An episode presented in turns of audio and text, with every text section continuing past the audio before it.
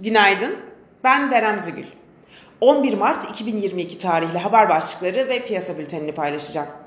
Erdoğan, Biden'la telefon görüşmesinde Türkiye'ye yönelik savunma sanayi yaptırımlarının kaldırılması çağrısını yaptı. Kaynaklara göre ABD, Rusya ile normal ticari ilişkilerini askıya alacak. Goldman Sachs, ABD için 2022 büyüme tahminini aşağı çekti.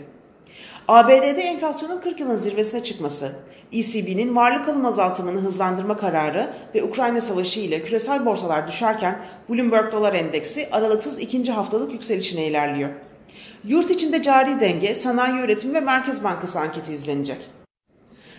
Piyasalara genel olarak bakacak olursak, pay piyasalarında Ukrayna ve Rusya Dışişleri Bakanlarının Antalya'daki toplantısında bir sonuç çıkmazken yurt dışı borsalar satışlarla karşılaşarak günü düşüşle tamamladı. Devam eden jeopolitik risklerle kısa vadede piyasalardaki dalgalanmanın sürmesini bekliyoruz. Borsa İstanbul kapanışına göre ABD ve Almanya vadelileri düşüşle seyrediyor.